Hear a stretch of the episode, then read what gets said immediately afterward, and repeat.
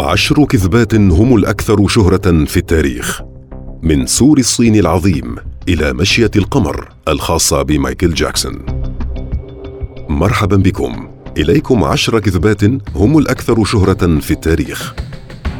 رقم عشرة. سور الصين العظيم. يستقبل هذا الأثر الذي يقع في قارة آسيا أكثر من عشرة مليون سائح سنوياً. ويعد مصدرا لأكذوبة يرجع تاريخها إلى أكثر من قرن من الزمان. يقال إن سور الصين العظيم هو التكوين الوحيد الذي تم إنشاؤه بواسطة البشر بحيث يمكن رؤيته من الفضاء.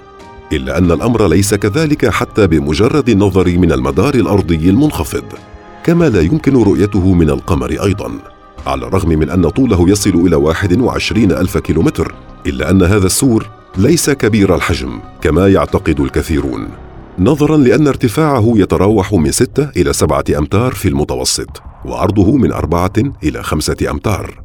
بدأت الأكذوبة في عام 1932 انطلاقا من دعاية معينة وسريعا تحولت إلى أسطورة. رقم تسعة جورج واشنطن. دائما ما كانت هناك حكاية شهيرة عن الأب المؤسس للولايات المتحدة الأمريكية والذي أصبح أول رئيس لهذه الدولة بين عامي 1789 و 1797 تقول الحكاية أن جورج واشنطن في صغره عندما كان يبلغ السادس من عمره كان قد تلقى فاسا من والده كهدية في عيد ميلاده.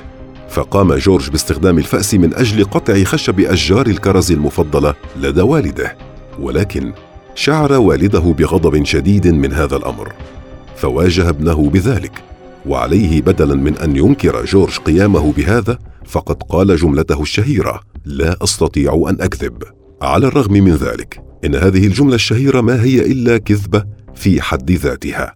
كان كاتب السيرة الذاتية ماسن لوك قد بالغ قليلا فيما يخص مزايا جورج واشنطن العديدة واخترع تلك الحكاية من أجل إبراز مدى أمانة جورج واشنطن وبذلك نسج حكاية أخلاقية وتوجيهية للشباب. رقم ثمانية الأهرامات.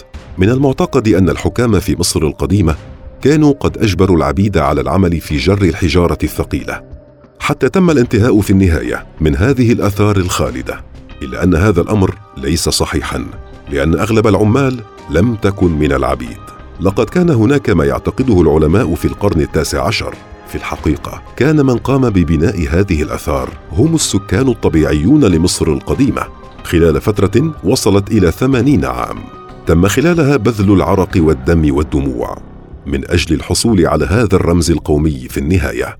أما أولئك الذين لم يقوموا بجر الحجارة فقد كانوا يقومون بتحضير الطعام وتوفير مناطق الإقامة لعمال البناء بالإضافة إلى القيام بالحراسة والسفر بحثا عن الحجارة والمعادن. تعد الأهرامات هي الأعجوبة الوحيدة المتبقية من العالم القديم مما لا يزال قائما حتى يومنا هذا. رقم سبعة. وحش بحيرة لوخنس. دائما ما كانت هناك دلائل على وجود وحش نيس. إلا أن الأكذوبة الحقيقية في هذه الحالة هي الصورة التي من المفترض أنها كانت قد التقطت بواسطة الجراح روبرت كينث ويلسون في التاسع عشر من أفريل من عام 1934 وقد ساهمت هذه الصورة في أن يتحول هذا الوحش المفترض من أسطورة لدى السكان المحليين إلى معلومة حقيقية ومرعبة يصدقها البعض. تقع بحيرة لوخنس في اسكتلندا. وترجع حكاية هذا الكائن الغامض الذي يسبح في مياهها إلى القرن السادس في عام 1994 تم الكشف عن أن هذا الشكل الذي ظهر في الصورة ما هو إلا غواصة تم وضع ذي تنكري عليها بواسطة رجل يدعى مارمادوك وذريل. بعد أن تم توظيفه في جريدة ديلي ميل من أجل العثور على وحش نيس قال هذا الرجل إن ويلسون وبالاتفاق معه كان قد التقط هذه الصورة وأن اسمه قد تم استخدامه فقط من أجل إضفاء المزيد من المصداقية على تلك الصورة.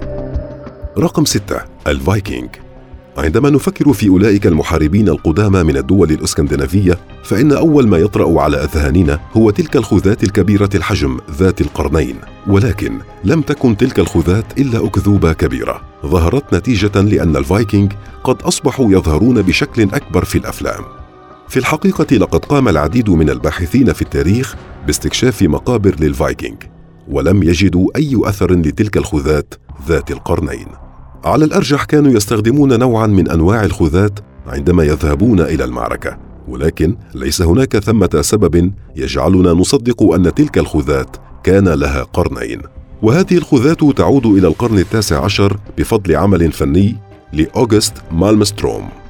والذي حاول من خلال تلك الخذات ذات القرنين أن يعطي انطباعا مرعبا وعنيفا عن هؤلاء المحاربين من الدول الإسكندنافية. رقم خمسة مايكل جاكسون.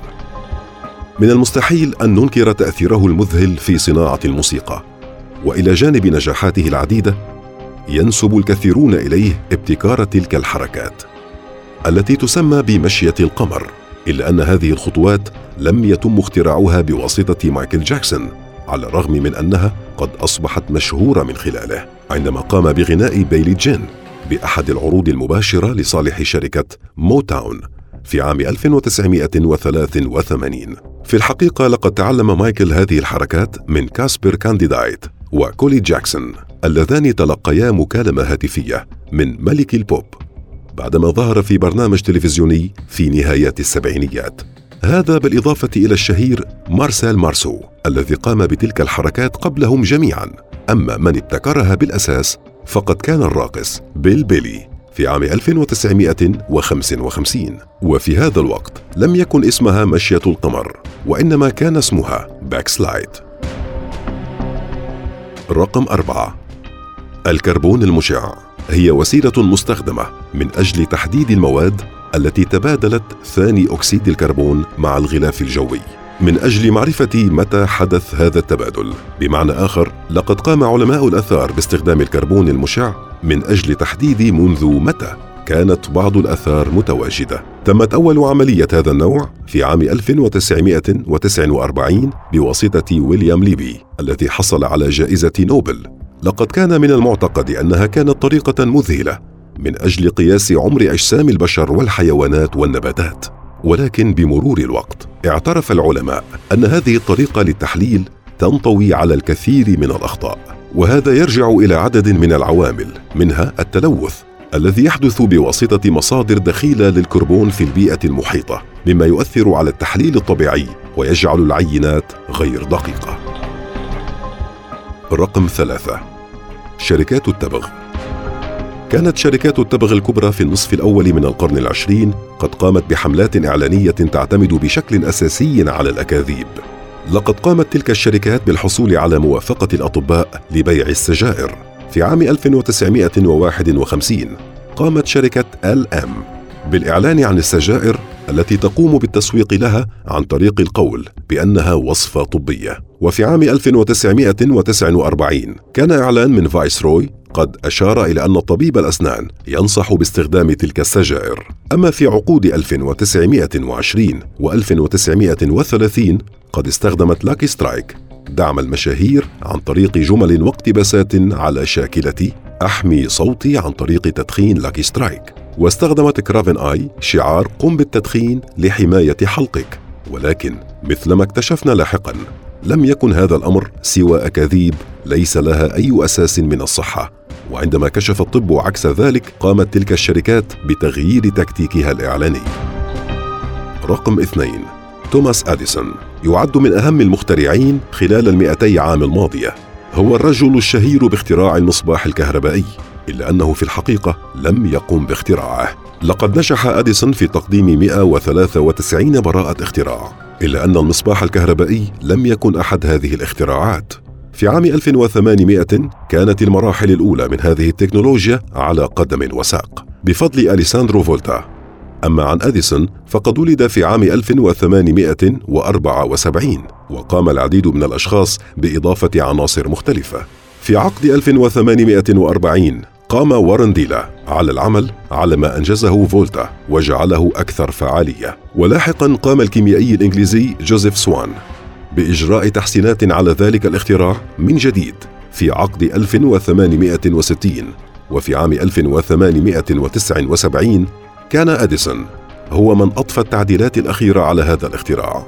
ومن هنا تم تقديم الاختراع إلى الأسواق. وتم تطوير العديد من الأمور التي جعلت استخدام المصباح الكهربائي شيئا متاحا. رقم واحد ألبرت أينشتاين. هو الفيزيائي المعروف بأنه صاحب النظرية النسبية كما أنه كان بطلا لأكذوبة أخرى. يقال إن أينشتاين لم يكن ينجح في امتحان مادة الرياضيات في المدرسة الثانوية إلا أن هذا الأمر لم يكن سوى كذبة. تم الترويج لها لفترة طويلة. في الحقيقة لقد كان الأمر عكس ذلك تماما. لأنه عندما كان يبلغ من العمر 11 عام كان قد اخترع طريقة بديلة من أجل التعبير عن نظرية بيتاغورس وذلك من أجل التسلية فحسب في وقت فراغه. وعندما بلغ من العمر 15 عاما كان قد تمكن تماما من مادة التفاضل والتكامل. أما عن هذه الشائعة الزائفة التي تم الترويج لها مرة بعد مرة فترجع إلى تفسير خاطئ للتقديرات التي حصل عليها. فلم تكن تقديرات واحد أم اثنان في وقت أينشتاين تعبر عن الرسوب وإنما كان سلم التقديرات في هذا العصر عبارة عن واحد باعتبارها التقدير الأعلى وستة باعتبارها التقدير الأدنى.